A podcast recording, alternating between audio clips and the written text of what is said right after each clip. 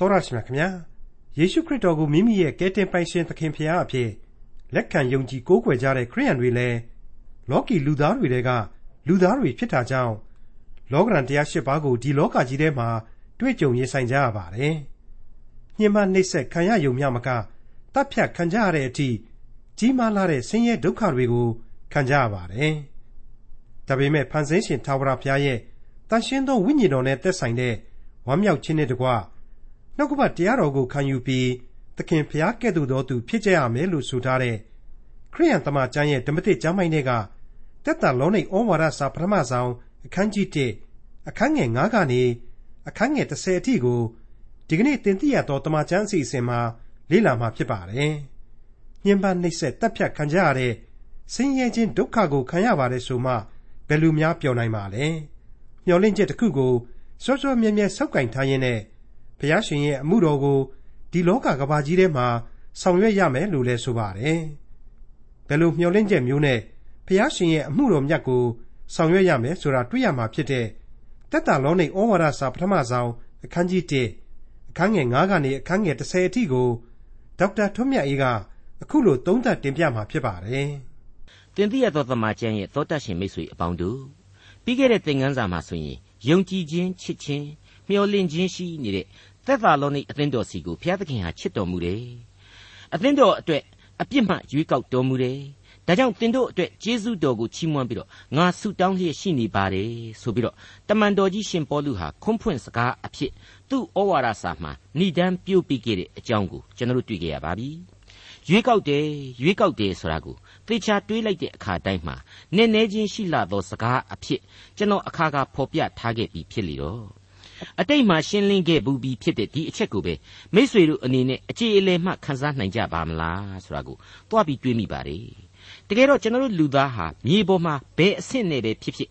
တောက်တောက်တောက်တောက်ရှောက်သွားပြီးတော့ရှင်သန်နေခွင့်ရတာကိုကလူသားဆိုတဲ့အဆင့်နဲ့ရွေးကောက်ခြင်းခံရပြီးသားပဲအဲ့ဒီအခြေခံကျေးဇူးတော်ဆိုတာကိုကကြီးမားလွန်းလှနေပြီဆိုတာကိုကျွန်တော်ယင်ထဲမှာခန်းစားထိတွေ့မိပါတယ် မိษွေတို့အဖို့လေဒီအတိုင်းပဲခန်းစားရလိမ့်မယ်လို့ကျွန်တော်အောက်မေ့မိပါတယ်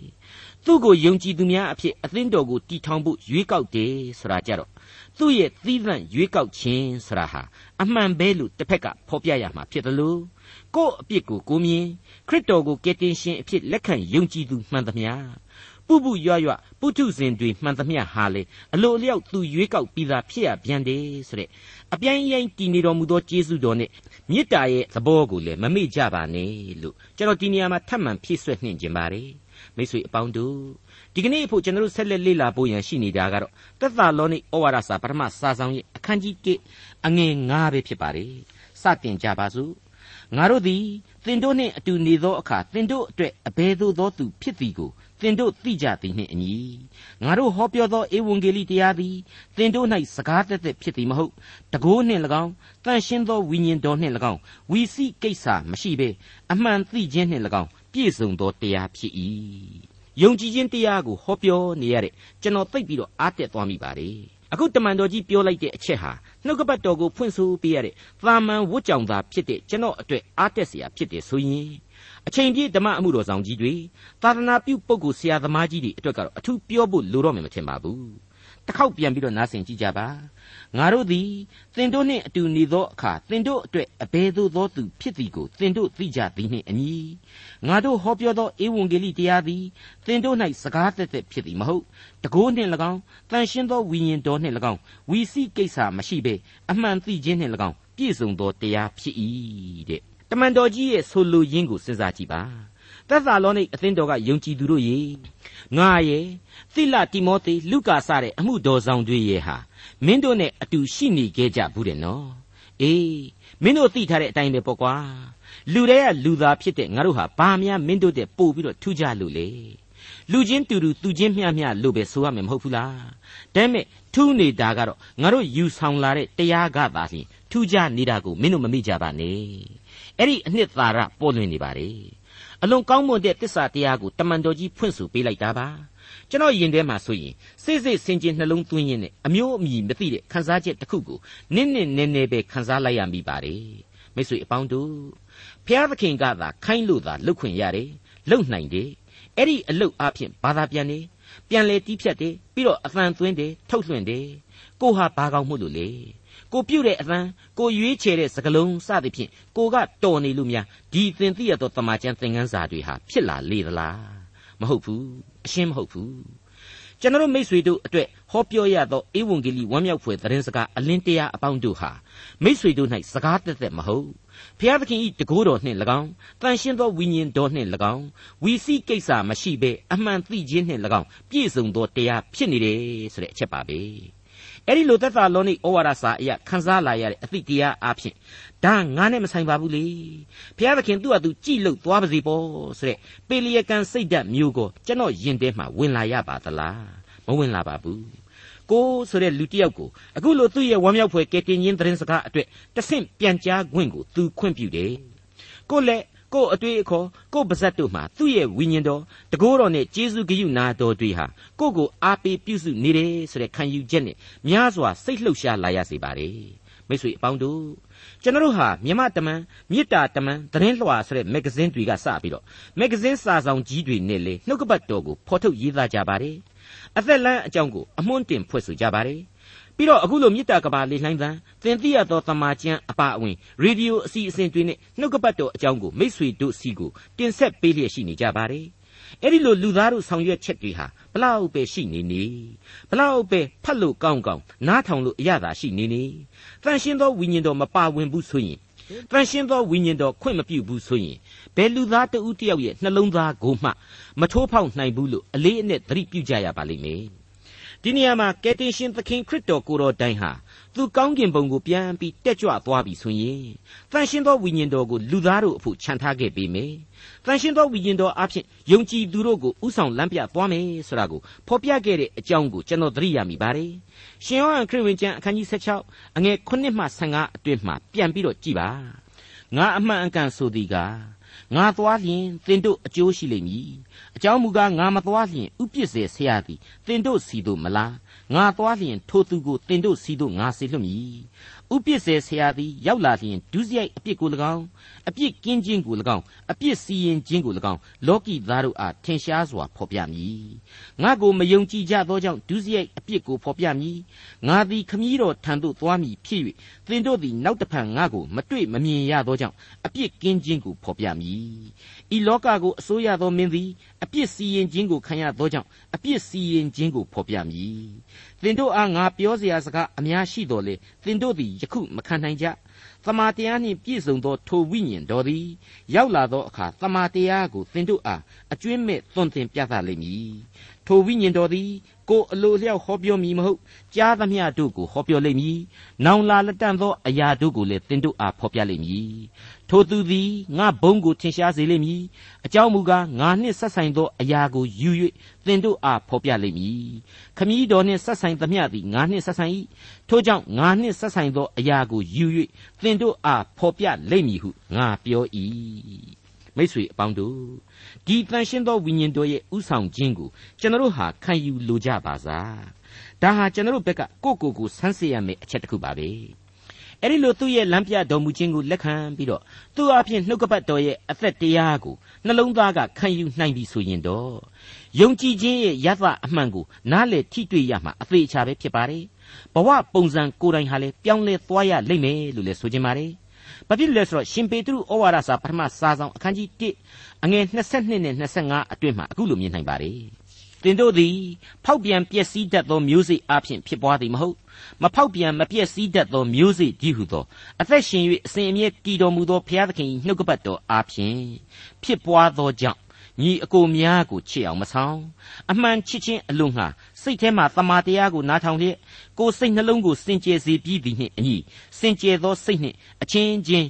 အားကြီးသောချစ်ချင်းမေတ္တာရှိကြလော့လူမျိုးရှိသမျှသည်မြက်ပင်ကဲ့သို့ဖြစ်၏လူမျိုး၏ဘုံရှိသမျှသည်လည်းမြက်ပွင့်ကဲ့သို့ဖြစ်၏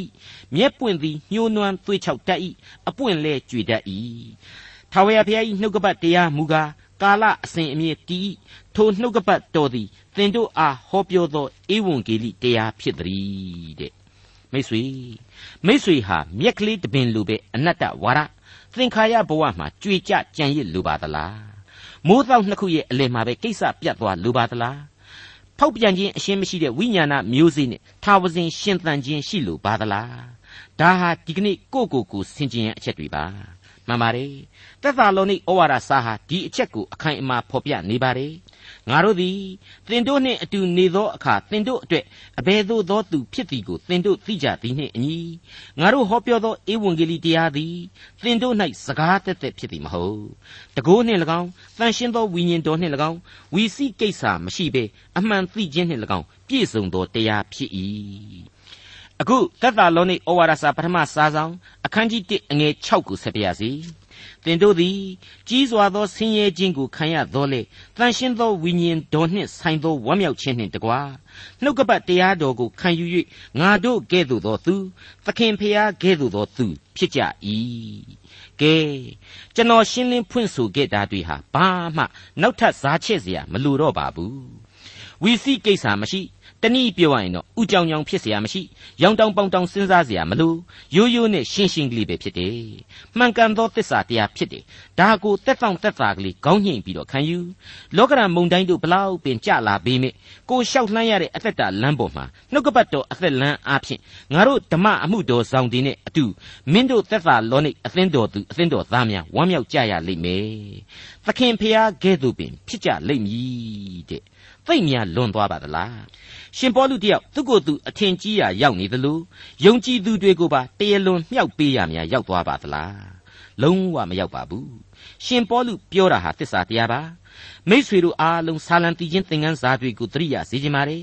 ဆာလံဆရာဟာ82ခုမြောက်သောဆာလံမှာအခုလိုပြက်ပြက်သားသားကြီးညာပေးခဲ့ပါတယ်သင်တို့သည်ဖျားဖြစ်ကြ၏ ပြီးတော့မှတခါဆက်ပြီးတော့အဖြေကိုပေးပါတယ်သင်တို့ရှိသမျှသည်အမြင့်ဆုံးသောဖျား၏သားသမီးများဖြစ်ကြ၏တဲ့ညင်းနိုင်ရင်ညင်းကြပြီတော့လို့ကျွန်တော်ဒီနေရာမှာပြောချင်ပါတယ်ကပ္ပဦးကျမ်းအခန်းကြီး6မှာဘုရားသခင်ဤသားတို့သည်လူသမီးတို့လှကြောင်းကိုမြင်၍ကိုယ်စိတ်ရှိသည့်အတိုင်းစုံဖက်ကြ၏လို့တွေ့ရပါတယ်အပြစ်လောကနဲ့ဘုရားသခင်သားသမီးတွေပူပေါင်းခြင်းကိုဖော်ပြတာပါဒါပေမဲ့ဘုရားသခင်ရဲ့မေတ္တာသဘောကိုရှင်းလင်းပြတ်သားစွာမြင်နေရပါတယ် ဟေရှာယအနာဂတိကျမ်းမှာကျတော့ငါကြွေးမွေးပြုစုသောငါသားသမီးတို့သည်ငါကိုပုန်ကန်ကြပြီတဲ့ဆွဆွဲလိုက်တယ်အဲ့ဒါဟာလေဆွဆွဲခြင်းကြားကပဲတွေ့ရတယ်မေတ္တာတော်ရဲ့သဘောပဲ မိတ်ဆွေဒီအချက်တွေဟာကျွန်တော်တို့မာမာနတက်ဖို့မဟုတ်ပါဘူးကိုယ့်ရဲ့ဝိညာဏအဆင့်အတန်းအမှန်ကိုသိဖို့နဲ့တန်ဖိုးထားဖို့ကျွန်တော်တင်ပြရတာပဲဖြစ်ပါတယ်အခုတမန်တော်ကြီးရှင်ပေါလုကပြောလိုက်ပါပြီမင်းတို့ဟာလောကရန်ဆင်းရဲခြင်းတွေကိုခံစားကြရပေမယ့်နှုတ်ကပတ်တရားတော်ကိုခံယူခြင်းအပြင်ငါတို့လူပဲဝမ်းမြောက်ရမယ်သခင်ဖျားနှင့်လေတူကြရမယ်တဲ့ သင်တို့သည်ကြီးစွာသောဆင်းရဲခြင်းကိုခံရသောလေတန်ရှင်းသောဝိညာဉ်တော်နှင့်ဆိုင်သောဝမ်းမြောက်ခြင်းနှင့်တကွာနှုတ်ကပတ်တရားတော်ကိုခံယူ၍ငါတို့ကဲ့သို့သောသူသခင်ဖျားကဲ့သို့သောသူဖြစ်ကြ၏ကောင်းပြီဖျားသခင်နဲ့တူတယ်လို့ပြောတယ်ဖျားသခင်သားသမီးများဖြစ်တယ်လို့လည်းဆိုတယ်ဖျားဖြစ်၏လို့လည်းရဲရဲကြီးကြီးညာထားတယ်အဲ့ဒီလူသားတွေမှာဘာကြောင့်လောကရန်ဆင်းရဲခြင်းတွေရှိနေရသလဲအဖြစ်ရတော့သိရှင်းပါလေ စောစောက82ခုမြောက်သောဆာလံမှာသင်တို့သည်ဖျားဖြစ်ကြ၏ရှိသမျှတို့သည်အမြင့်ဆုံးသောဖျား၏သာဖြစ်ကြ၏လို့ဆိုတာနဲ့တစ်ဆက်တည်းဆက်ပြီးတွေ့ရတဲ့အချက်ရှိနေပါတယ်သို့တော်လေသင်တို့သည်လူကဲ့သို့သေ၍အခြားသောမင်းကဲ့သို့ဆုံးရှုံးခြင်းသို့ရောက်ကြလိမ့်မည်တဲ့ဟုတ်တယ် လူအဖွဲ့အစည်းစကားစကတဲ့ကဤအသီးကိုမစားရစားသောနေ့တွင်အမှန်သေးရမည်ဆိုတဲ့ဗြိညင်ကြီးကိုရဲရဲကြီးတော်လှန်ပြီးတော့လူသားဟာတားမြစ်တဲ့အပြစ်တရားကိုကိုစားပြုတဲ့ပန်းသီးကိုသွားပြီးတော့စားတယ်အဲ့ဒီလိုစားလိုက်ကြတဲ့ကလေဝိညာဉ်သဘောအရာအမှန်သေးခဲ့ရတော့တာပဲဒါပေမဲ့သေတာကိုတိရစ္ဆာန်လို့မဟုတ်ဘူးလူကဲ့သို့သေ၍တဲ့မရှင်းဘူးလား လူကဲ့သို့လို့ဆိုထားပါတယ်နော်ခွေးကဲ့သို့လို့မပြောပါဘူးကြောင်ကဲ့သို့ဝက်ကဲ့သို့ကြွက်ကဲ့သို့လို့လည်းမပြောပါဘူးချွင်းချက်ကလေးဟာအံ့ဩဖွယ်ရှိနေပါတယ်ရှိကိုရှိရမှာဖြစ်ပါတယ်လူကဲ့သို့သေရမည်ဧကန်အမှန်ဒါပေမဲ့လူကဲ့သို့ပင်ထာဝရအသက်ကိုရယူခွင့်ရှိသည့်အမှန်ဖြစ်ပါ၍လူကဲ့သို့သာလျှင်သေရမှာဖြစ်ပါတယ်ကဲတင်ချင်းကျေးဇူးတော်ဆိုတာအတွက်ကွက်လက်ကလေးတစ်ခုကိုခြံထားရမှာအသေးအချာသာဖြစ်ပါလေ ဒါကိုအလေးနဲ့ပြုစေဖို့ရန်အတွက်109ခုမြောက်သောဆာလံကိုကိုးကားပါရစေ109ခုမြောက်သောဆာလံအငယ်30မှ7ထထိုသူတို့သည်ဘုရားသခင်၏အမိန့်တော်ကိုညှင်းဆန်၍အမြင့်ဆုံးသောဘုရား၏အကြံတော်ကိုမထီမဲ့မြင်ပြုသောကြောင့်မှောင်မိုက်သေမင်းအရေး၌ထိုင်လျက်ဒုက္ခနှင့်၎င်းတန်ကြိုးနှင့်၎င်းချီနှောင်လျက်နေရကြ၏ဘုရားသခင်သည်အမှုရောက်စေ၍သူတို့စိတ်ကိုနှိမ့်ချတော်မူ၏သူတို့သည်လဲ၍ထောက်မှသောသူမရှိ မိတ်ဆွေအပေါင်းတို့တကယ်သေတော့မယ်ဆိုတဲ့အချိန်မှာငါလူနာမသေးစေရဘူးဟဲ့ဆိုပြီးတော့ကဲနိုင်တဲ့သမားတော်ကိုပြကြပါတကယ်အသက်ထွက်တော့မယ်ဆိုရင်အဲ့ဒီအသက်မထွက်ဖို့ဆိုပြီးတော့ပိတ်နိုင်ဆို့နိုင်တဲ့ကွန်ပျူတာကိရိယာတစ်ခုများရှိရင်ပြကြပါလို့ကျွန်တော်ဆိုချင်ပါတယ်ဒါပေမဲ့ကျွန်တော်အနေနဲ့အဲ့ဒီလိုစိန်ခေါ်လို့မရတဲ့အဖြစ်ကျွန်တော်အနေနဲ့လုံးဝစိန်မခေါ်ဝွင့်တဲ့အင်အားစုတစ်ခုကတော့အဲ့ဒီဆာလံမှာဆက်ပြီးတွေ့ရတဲ့အချက်ဖြစ်ပါတယ် စောစောတုန်းကဖတ်ခဲ့တဲ့တရားခွန်တစ်ခုမြောက်သောဆာလံရဲ့အငယ်7နှစ်ကိုပါပူးတွဲပြီးတော့အငယ်16အထိဆက်ပြစီဖျားသခင်သည်အမှုရောက်စေ၍သူတို့စိတ်ကိုနှိမ့်ချတော်မူ၏သူတို့သည်လဲ၍ထောက်မှသောသူမရှိဘဲဆင်းရဲခံရသောအခါထာဝရဘုရားကိုအော်ဟစ်၍ဆင်းရဲဒုက္ခတဲကကယ်တင်တော်မူ၏မှောင်မိုက်နှင့်သေမင်းအရေးထဲကထုတ်ဆောင်၍သူတို့ချီနှောင်ခြင်းကိုဖြေတော်မူ၏ လူသားတို့၌ပြုတော်မူသောဂယုဏနှင့်အံ့ဘွယ်သောအမှုတို့ကိုထောက်၍ထာဝရဘုရား၏ဂုဏ်ကျေးဇူးတော်ကိုချီးမွမ်းကြစေအကြောင်းမူကားကြေးဝတကားတို့ကိုချိုး၍သံကလန့်တို့ကိုအပိုင်းပိုင်းဖြတ်တော်မူ၏တဲ့မှန်ပါတယ်မိတ်ဆွေအပေါင်းတို့ရခဲ့လာတဲ့လူဘဝမှုသူ့ရဲ့ရွေးကောက်တော်မူခြင်းကိုခံရသူသူ့ရဲ့သားသမီးများဖြစ်လာတယ် သူနဲ့တူတယ်သူ့ကိုယုံကြည်အားကိုးရခြင်းအပြင်ကိုဟာလောကရန်မှောင်မိုက်နဲ့သေမင်းရဲ့အရေးအောက်ကနေသူ့ရဲ့တန်ရှင်းသောဝိညာဉ်တော်အားအင်းနဲ့အစဉ်သာဝရလွတ်မြောက်စေရမယ်ဆိုတာကိုသက်သာလောနိဩဝါဒစာဟာပြည်ပြင်းစွာဖော်ညွှန်းပေးလိုက်ခြင်းဖြစ်ပါတယ်သက်သာလောနိဩဝါဒစာပထမစာဆောင်အခန်းကြီး1အငယ်9တို့ဖြစ်၍မာကေဒေါနိပြည်အခါယပြည်၌ယုံကြည်သောသူအပေါင်းတို့အားသင်တို့သည် ပုံသက်သေပေးသောသူဖြစ်ကြ၏ သက်သာလောနိအသင်းတော်ဆိုတာဟာယုံကြည်ခြင်းနဲ့အကျင့်တရားရှိတယ်ချစ်ခြင်းနဲ့ကြိုးစားအားထုတ်ခြင်းရှိတယ်မျှော်လင့်၍တည်ကြည်သောအသင်းတော်လည်းဖြစ်တယ်ဒါကြောင့်လည်းဘုရားသခင်ရဲ့ချစ်ခြင်းမေတ္တာတော်ကိုခံစားရယူပြီးတော့အမှုတော်ဆောင်ကြီးရှင်ပေါလုဟာဒီအသင်းတော်အတွက်ကျေးဇူးတော်ကိုချီးမွမ်းပြီးတော့ဆုတောင်းပေးခဲ့တယ်ဆိုတာကိုကျွန်တော်ဟာပြီးခဲ့တဲ့သင်ခန်းစာတွေမှာတွေ့ကြရပြီးပါပြီဒီကနေ့သင်ခန်းစာများအရာဆိုရင်ဖြင့်နှုတ်ကပတ်တော်ရဲ့အသက်လမ်းကိုသူတို့ဟာခန်းစားထိတွေ့နေကြတယ်တမန်တော်ကြီးများဟာသူတို့နဲ့အတူခရစ်တော်ထံမှာ တလုံးတဝတည်းတည်မီနေသလိုပဲခံစားကြရတယ်ဆိုတာကိုတွေ့ရပြီးတဲ့နောက်ဘုရားသခင်ဤသားစစ်သမီးမှန်များလေဖြစ်တယ်ဆိုတာကိုကျွန်တော်ဆက်လက်လေ့လာခဲ့ကြရပါပြီအဲ့ဒီလိုကောင်းသောဝိသေသလက္ခဏာအပေါင်းတို့ဟာဒီသက်သာလောနိတ်ဆိုတဲ့နုပြိုတဲ့အသင်းတော်သုံးပတ်လောက်အတွင်းမှာရှင်ပေါလုတရားဟောအမှုတော်ဆောင်ပြီးတော့တည်ထောင်ခဲ့ရတဲ့အသင်းတော်အဲ့ဒီအသင်းတော်ကလေးကို Greek နဲ့ Macedonia တောင်ဘက် Yugoslavia နယ်မြေတစ်ခုလုံးမှာစံပြအသင်းတော်ဖြစ်စေခဲ့ပြီလို့တမန်တော်ကြီးထောမနာပြုလိုက်ပါတယ် မိတ်ဆွေအပေါင်းတို့အသင်းတော်တပားကိုအရက်ဒေတာကြီးတစ်ခုရဲ့စံပြဆိုပြီးတော့ထောမနာပြုရလောက်အောင်အခုခေတ်မှာအတော်ရှားတယ်လို့ကျွန်တော်ထင်ပါတယ်လူကောင်းသူကောင်းကြီးတွေကိုစံပြလူသူတော်ကောင်းကြီးများအဖြစ်အတော်များများလေးစားဂုဏ်ယူကြတာကိုတွေ့ရပါတယ်အသင်းတော်ဆိုတဲ့အဖွဲ့အစည်းကိုအခုလိုနာမည်တက်ပြီးတော့စံပြနေရာမှာထားတာမျိုးကတော့အခုအချိန်ကာလမှာသိပ်ပြီးတော့နေပါသွားပါပြီအဖွဲ့အစည်းတစ်ခုဟာကြီးမားလာလေလေအဲ့ဒီလိုစံပြအဆင့်ကိုမရောက်နိုင်လေလေပဲဆိုရင်လည်းမှားမယ်မထင်ပါဘူး ဒါကြောင့်မလို့အသင်းတော်ကနေနောက်တစ်ဆင့်ဂိုင်းကနာဆိုတဲ့အပိုင်းကိုများရောက်လာလို့ကတော့ပို့ဆိုးပြီးသားမှတ်ပြီးတော့စီကံကြည့်တာအမှုတော်ဆောင်တာအရှုပ်အရှင်းနဲတာများတာပေါ်မှာသာမူတည်ပြီးတော့စံထားလို့ရတာရှိခြင်းရှိမယ်ယုံကြည်ခြင်းချစ်ခြင်းမျှော်လင့်ခြင်းဆုတောင်းခြင်းဝိညာဉ်ခွန်အားနဲ့ပြည့်စုံခြင်းဖျားသခင်ရဲ့သားသမီးများဖြစ်ခြင်းဆိုတဲ့ဝိညာဉ်ရေးတတ္တိဒုမြာကြောင့်တော့စံပြုရခြင်းကမရှိသလောက်ရှားပါသွားပြီဆိုတာကိုဝန်းနဲ့ကြေကွဲပွေလေ့လာသုံးသပ်နိုင်ပါ रे အခုသက်သာလောနိတ်ကတော့အဲ့ဒီလိုမဟုတ်ဘူးတို့ဖြစ်၍မာကေဒေါနိပြည်အခါယပြည်၌ယုံကြည်သောသူအပေါင်းတို့အားသင်တို့သည် ပုံသက်သေပေးသောသူဖြစ်ကြ၏ဘလောက်ကောင်းနေ သက်သာလောနိဩဝါဒစာပထမစာဆောင်အခန်းကြီး1အငယ်8ကိုဆက်လက်နားဆွင့်ကြည့်ကြပါ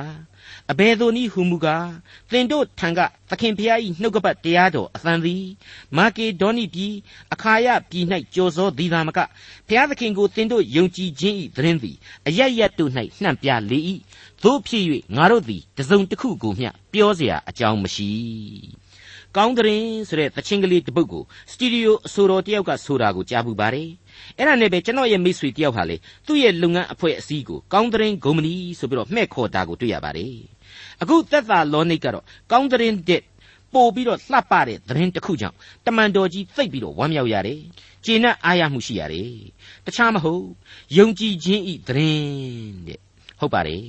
faith to god word တဲ့အ င်္ဂလိပ်ကဖော်ပြထားပါတယ်။သမာယိုးကြယုံကြည်ခြင်းအရှင်မဟုတ်ပါဘူး။ငါတို့အသင်းတော်အနေနဲ့ဘာတွေလုပ်ပြီးတော့ဘာတွေဖြစ်လာမယ်။ငါတို့အသင်းတော်အဆောက်အအုံရဲ့ကြီးပွားတိုးတက်မှုကိုငါတို့ဘယ်လိုယူပါယုံရှိထားကြရမယ်။လုပ်တဲ့အတိုင်းလေအောင်ကိုအောင်မြင်ရမယ်ဆိုတဲ့အလုတ်သဘောကလာတဲ့ယုံကြည်ခြင်းအရှင်မဟုတ်ပါဘူး။ဖျားသခင်ကိုဥခိုက်သောယုံကြည်ခြင်းဆိုတဲ့ဝိညာဉ်သဘောယုံကြည်ခြင်းဖျားသခင်ကိုမျက်မှောက်ပြု၍ယုံကြည်ခြင်းပဲတဲ့ ဟုတ်ပါတယ်အဲ့ဒီပင်မယုံကြည်ခြင်းပြီးတော့မှသာကြံတဲ့ယုံကြည်ခြင်းတွေကိုဆက်ပြီးယုံကြည်ကြရမှာဖြစ်ပါတယ်မိတ်ဆွေအပေါင်းတို့ဒီနေရာမှာကျွန်တော်ဖြည့်ဆွက်ချင်တာတခုရှိပါတယ်အဲ့ဒါကတော့ဘုရားသခင်ရဲ့ရွေးကောက်တော်မူခြင်းဆိုတာ ਨੇ ပတ်သက်လို့ပါအခုသက်သာလောနေဆိုတာဟာဥပုပ်သုံးပတ်အတွင်တိဆောက်ရတဲ့အသင်းတော်ဆိုတာကိုမိษွေတို့အထက်ထက်သိခဲ့ရပါပြီနော် ယုံကြည်သူတွေကယုံကြည်ပေမဲ့မယုံကြည်သူတွေကနှင်ထုတ်တဲ့အခါမှာတမန်တော်ကြီးရှင်ပေါလုဟာဘေရီဆိုတဲ့အရက်ဒေသကိုအဖို့ခံရတယ်။တနည်းအားဖြင့်နေနှင်ခံရတယ်ဆိုတာကိုတမန်တော်ဝတ္ထုမှာပြန်ပြီးတော့ကျွန်တော်တို့တွေ့ထားရပါတယ်။အဲ့ဒီဘေရီဆိုတဲ့အရက်ဟာအခုသက်သာလောနိတက်တောင်မှပို့ပြီးတော့ယုံကြည်သူတွေရှိနေခဲ့တယ်ဆိုတာကိုမှတ်တမ်းမှတ်ရများနဲ့ကျွန်တော်တို့တွေ့ထားရပြန်ပါတယ်။ဒါပေမဲ့အဲ့ဒီဘေရီအသင်းတော်ကိုစံနမူနာယူကြပါဆိုပြီးတော့မတွေ့ရတဲ့အချက်နဲ့ပတ်သက်လို့ပါ။ ဟုတ်ပါတယ်အဲ့ဒီဘေရီမြို့ကလေးနဲ့သက်ဆိုင်တဲ့မှတ်တမ်းကလေးကိုအလွန်ပြေပြန်ပြီးတော့ကြည့်ကြရအောင်တမန်တော်ဝတ္ထုအခန်းကြီး16အငယ်30မှ12ညအခါညီအကိုတို့သည်ပေါလုနှင့်သီလာကိုဘေရိမြို့သို့ချက်ချင်းလွှတ်လိုက်ကြ၏ထိုမြို့သို့ရောက်ရင်ယူရတရားစရက်သို့ဝင်ကြ၏ဘေရိမြို့သားတို့သည်သက်သာလောနိမြို့သားတို့တဲ့ထူးမြတ်သဖြင့် အလွန်ကြည်ညိုသောစေတနာစိတ်နှင့်နှုတ်ကပတ်တရားတော်ကိုခံယူ၍မှန်သည်မမှန်သည်ကိုသိခြင်းဟာ၎င်းကျမ်းစာကိုနေ့တိုင်းအစဉ်စေ့စေ့ကြည့်ရှုကြ၏ထိုကြောင့်ယူရလူအများတို့သည်ယုံကြည်ခြင်းသို့ရောက်ကြ၏အသရေထင်ရှားသောဟေလသမိမတို့နှင့်ယောက်ျားအများတို့သည်လည်းယုံကြည်ကြ၏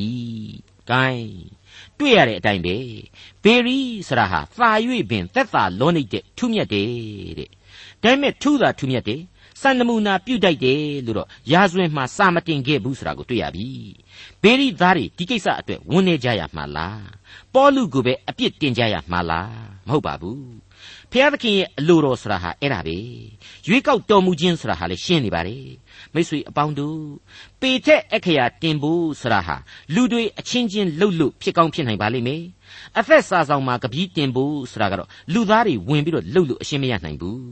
ဒါဟာဓမ္မသမိုင်းမှာမကြာခဏဆိုသလိုတွေ့ရတယ်ဖျားသခင်ရဲ့နည်းနည်းသောအမှုတော်သာဖြစ်တဲ့အကြောင်းကိုသင်ခန်းစာယူလိုက်ကြပါစို့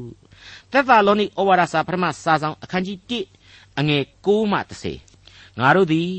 သင်တို့အထက်သို့အဘယ်သို့ဝင်ကြသည့်အကြောင်းအရာကိုသူတို့သည်ကိုယ်တိုင်ကြားပြောကြ၏ အသက်နှင့်ပြည့်စုံလျက်မှန်တော်မူသောဘုရားသခင်အမှုတော်ကိုသင်တို့သည်ဆောင်ခြင်းဟာ၎င်းရောက်လက်တန်သောဘေးဒဏ်မှငါတို့ကိုကယ်နှုတ်သောသခင်ယေရှုဒီဟုသောသေခြင်းမှဘုရားသခင်ထမြောက်စေတော်မူသောသားတော်သည်ကောင်းကင်ဘုံမှကြွလာတော်မူမည်အရာကိုငန့်လင့်ခြင်းဟာ၎င်းရုတ်ထုစင်တူတို့ကိုပြစ်ပယ်၍ဘုရားသခင်အထံတော်သို့ပြောင်းလဲကြသည့်အကြောင်းအရာကိုလေကြားပြောကြ၏အမှတ်တမဲ့ဆိုရင်တော့နော် ဖြစ်စဉ်တစ်ခုကိုစကားပြေအနေနဲ့ဖော်ပြပေးလိုက်တာပဲရှုပ်နေတယ်လို့လည်းရုတ်တရက်ဆိုခြင်းရင်ဆိုစရာပါပဲဒါပေမဲ့ဝိညာဉ်ရေးသဘောအင်မတန်ပြည့်ဝတဲ့အချက်ပါငါတို့သည်သင်တို့အထဲသို့အဘယ်သို့ဝင်သည်ကိုသူတို့ကိုယ်တိုင်ကြားပြောကြ၏တဲ့ငါတို့ဆိုတဲ့တိမောသေသီလာဒေါက်တာလုကာတို့ပါလိမ့်မယ်အဲ့ဒီတမန်တော်တွေဟာအဲ့ဒီ Greek ယဉ်ကျေးမှုလွှမ်းမိုးရာနတ်ကွန်းတို့ဒီသ ယောမအာနာဇက်တို့ဖိစီးရာသက်သာလောနိအရက်ဒေသကိုဘယ်လိုဘယ်လိုဝင်ရောက်ခဲ့ကြရတယ်ဆိုတာကိုပေါလုသီလတိမောသေတို့ဟာအားလုံးစုပေါင်းပြီးတော့စမြုံပြန်ကြတယ်ဆန်းစစ်ကြတယ်တဲ့သူတို့ဘယ်လိုဝင်ရောက်လာခဲ့ကြပါသလဲသမိုင်းကိုပြန်ပြီးတော့ဆန်းစစ်ကြည့်ပါအာရှိဒေသလို့ခေါ်တဲ့အာရှမိုင်နာမြောက်ဖက်တောင်ဘက်အရှေ့ဘက်တို့ကိုသွားမဲ့သူတို့တွေကိုမင်းတို့မသွားနဲ့အနောက်ဖက်ဥရောပကိုပဲသွားကြဆိုပြီးတော့ဖျားသခင်ခိုင်းလို့သူတို့အဲ့ဒီရက်ဒေသကိုဝင်ရောက်ခဲ့ကြရတယ်မဟုတ်ဘူးလားဒါကြောင့်ဖျားသခင်ရဲ့ပို့ဆောင်တော်မူခြင်းကြောင့်ပေါလုတို့အဖွဲ့တွေသက်သာလောနိတ်ကိုရောက်ခဲ့ကြပါတယ်အချင်းကျုပ်အဖြေကတော့အဲ့ဒါပါပဲ အဲ့ဒီလိုဘုရားသခင်ရဲ့စေစားချက်ကြောင့်ရှင်ပေါလုတို့အမှုတော်ဆောင်ကြီးတွေဟာသက်သာလောနိတ်မြို့ကိုရောက်လာတဲ့အခါမှာတော့ဧဝံဂေလိသတင်းကိုကြားပြောကြတယ်ဧဝံဂေလိသတင်းစကားကိုခံယူပြီးတဲ့နောက်မှာလေထူးခြားတဲ့ရလတ်ကြီး၃ခုဟာသက်သာလောနိတ်ယုံကြည်သူတွေမှာပေါ်ထွန်းလာတယ်အဲ့ဒါတွေကတော့တစ်အသက်နှင့်ပြည့်စုံ၍မှန်တော်မူသောဘုရားသခင်၏အမှုတော်ကိုဆောင်ခြင်းနှစ်ကောင်းကင်ဘုံမှကြွလာပြီးရောက်လာလက်တန်သောဘေးဒဏ်မှကယ်တင်မဲ့သခင်ယေရှုကိုမျှော်လင့်ဆောင်စားခြင်း ၃ရုပ်ထုဆင်းတုကိုပြစ်ပယ်၍ဘုရားသခင်ထံတော်သို့ပြောင်းလဲခြင်းဆိုတဲ့အချက်၃ခုမိတ်ဆွေဒါတွေအကုန်လုံးဟာအငယ်နှစ်မှလေးအတွင်းမှာတုန်းကတွေ့ခဲ့ရတဲ့ဖော်ပြချက်တွေနဲ့ပြန်ပြီးတော့ဆက်ဆက်လာတယ်လို့ကျွန်တော်ဆိုချင်ပါတယ်ဟုတ်ပါတယ်ယုံကြည်ခြင်းမျှော်လင့်ခြင်းချစ်ခြင်းဆိုတဲ့သုံးပါပြီးတဲ့နောက်မှာတော့ကြိုးစားအားထုတ်ခြင်းတွေတည်ကြည်ခြင်းတွေတောင့်တခြင်းတွေသဲကြီးခံခြင်းတွေဆိုတဲ့အလုပ်သဘောတွေကိုတွေ့ကြရပြီးပြီ အခုကျတော့အသက်နှင့်ပြည့်စုံ၍စစ်မှန်သောဘုရားသခင်ရဲ့အမှုတော်ကိုဆောင်ခြင်းသခင်ရဲ့ဒုတိယအကြိမ်ကြွလာတော်မူခြင်းကိုမျှော်လင့်ခြင်းနဲ့ရုပ်ထုဆင်းတုကိုးကွယ်မှုကိုစွန့်ပြီးတော့ဘုရားသခင်ကိုကိုးကွယ်ခြင်းဆိုပြီးတော့အကျိုးကျေးဇူးသုံးချက်ကိုအကျိုးတရားများအဖြစ်ဆက်ဆက်ဖော်ပြလာပြန်ပါလေ မိတ်ဆွေအပေါင်းတို့သခင်အမှုတော်ကိုဆောင်ခြင်းဟာအမှန်ချစ်ခြင်းတရားကနေပေါ်ထွက်လာတယ်ကျွန်တော်ဟာပြီးခဲ့တဲ့သင်ခန်းစာမှာကလေးကချစ်၍ဆောင်ယူအပ်သောတာဝန်ဆိုတာဟာအင်မတန်အားပါတယ်မောတယ်ပန်းတယ်မရှိဘူးစွန့်လွတ်ခြင်းတည်ပါဝင်တယ်ဆိုတာကိုဖော်ပြခဲ့ပြီးပြီဖြစ်ပါတယ်အသက်နှင့်ပြည့်စုံ၍စစ်မှန်သောဖရာဤအမှုတော်ဖြစ်တဲ့အတွက်ကြောင့်အသက်ရှင်ခြင်းနဲ့ဆိုင်တဲ့အမှုတော်ကိုအသက်ပါပါဆောင်ရွက်ရမယ်သစ္စာနဲ့ဆောင်ရွက်ကြရပါလိမ့်မယ် သခင်ယေရှုရဲ့ဒုတိယအကြိမ်ကြွလာတော်မူခြင်းကိုမျှော်လင့်ခြင်းဆိုတာဟာလေလာလတန်သောဘေးဒဏ်မှကယ်နှုတ်မဲ့သခင်ဖြစ်လို့မျှော်လင့်ရခြင်းတဲ့ဟုတ်ပါတယ်ကျွန်တော်မိษွေတို့ယုံကြည်သူအသင်းတော်ကိုခရစ်တော်ဟာကပ်ကာလတရားစီရင်ခြင်းမတိုင်မီမှာပင်ကောင်းကင်နိုင်ငံတော်လို့သိသိမှာဖြစ်တယ်လို့ကျွန်တော်ယုံကြည်ထားပါတယ်ဒီယုံကြည်မှုကိုဒီကျမ်းဟာအားဖြစ်ပေးနေပါတယ်နောက်ဆုံးရလတ်ကတော့ယုတ်ထုဆင်းတုကိုပြစ်ပယ်၍ဘုရားသခင်ထံတော်သို့ပြောင်းလဲခြင်းတဲ့ မိတ်ဆွေသက်သာလောနိတ်က Greek နတ်ကွန်းကြီးတွေကိုစိတ်စိတ်မျှော်ကြည့်ပြီးတော့ဒီနတ်ရုပ်တွေကိုးကွယ်မှုအတွက်လူတွေကိုအပြစ်တင်ခြင်းနာကျင်အောင်ပြောခြင်းတွေကိုတမန်တော်ကြီးရှင်ပေါ်လူမလုပ်ခဲ့ပါဘူးသူပြောခဲ့တာကတော့အသက်ရှင်တော်မူသောအဖဖျားသခင်အကြောင်းကိုသာပြောခြင်းဖြစ်ပါတယ် အသက်ရှင်တော်မူသောခရစ်တော်၏ဝမ်းမြောက်ဖွယ်တရားကိုသာပြောခြင်းဖြစ်ခဲ့ပါတယ်အဲ့ဒီအသက်ရှင်ခြင်းနဲ့ဆိုင်တဲ့တရားဟာဝိညာဉ်တော်အဖျင်လူသားတို့၏နှလုံးသားကိုထွင်းဖောက်တဲ့အချိန်လူသားဟာကိုယ့်ရဲ့အပြစ်ဘဝအကြောင်းကိုခံယူပြီးတော့ကယ်တင်ခြင်းကျေးဇူးတော်ကိုလက်ခံဖို့နှလုံးသားဆန္ဒမှာကိုကပြောင်းလဲမှုဖြစ်လာတာပဲအဲ့ဒီခါမှာတော့အတိတ်ကာလကိုးကွယ်ခြင်းတွေအလုံးစုံကိုလူသားတွေဟာအပြည့်အပိုင်စွန့်ပစ်လိုက်ကြတယ်ဘုရားသခင်ကိုပြောင်းလဲကိုးကွယ်ကြခြင်းသာဖြစ်တယ်ဆိုတာကိုကျွန်တော်ခံယူထားဖို့လိုပါတယ် အဲ့ဒီနီးအားဖြင့်ဘင်းလျင်သက်သာလောနိဟာဝိညာဉ်လင်းလက်အစင်းထွက်သောအသင်းတော်ဖြစ်လာရခြင်းပါပဲခင်ဗျာဒေါက်တာထွန်းမြတ်၏စီစဉ်တင်ဆက်တဲ့တင်ပြရတော်တမချန်းအစီအစဉ်ဖြစ်ပါတယ်နောက်တစ်ချိန်အစီအစဉ်မှာခရိယန်တမချန်းရဲ့ဓမ္မသစ်ကျမ်းပိုင်းတွေကသက်တာလုံးနေဩဝါဒစာပထမဆုံးအခန်းကြီးနှစ်အခန်းငယ်1ကနေအခန်းငယ်8အထိကိုလေ့လာမှာဖြစ်တဲ့အတွက်စောင့်မျှော်နားဆင်နိုင်ပါတယ်။